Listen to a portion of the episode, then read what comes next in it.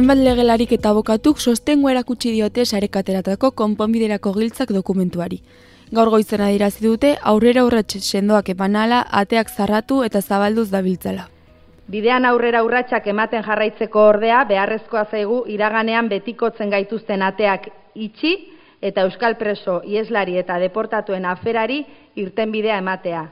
Bai eta gutxieneko akordio baten bila, biktima guztiei tratamendu justu eta berdina ematea ahalbidetuko duten ateak irekitzen jarraitzea. Hala ere azpimarratu dute oraindik iraganaren atea ezin dela behin betiko itxi, eta oraindik Euskal Presen eskubideak urratuak izaten jarraitzen dutela. Eta modu berean ez dela lortu biktima guztiei bidezko tratamendu emateko helburua. Aspaldian jendartea elkarbizitzarako ateak irekitzeko lanetan dabil. Giltza ugari eskutan hartuta pertsona eta eragilen arteko harremanak adostasunak eta desadostasunak modu eraikitzailean egituratuz. Bide horretan jarraitu nahi eta behar dugu. Giltzei eraginez jendartearen motorra piztu eta aurrera egiteko.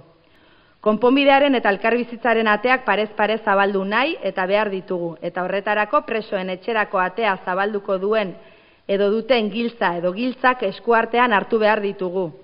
Agerraldian adirazi dute pres daudela konponbiderako, elkarbizitzarako, biktima guztien minen errespeturako eta presoen etxerako biderako ateak irekiko dituzten erabakiak hartzeko.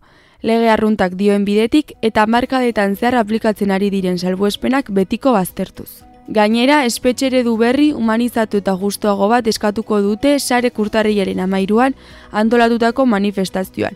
Bilboko lakasiatik abiatuko dal arratsaldeko bostetan.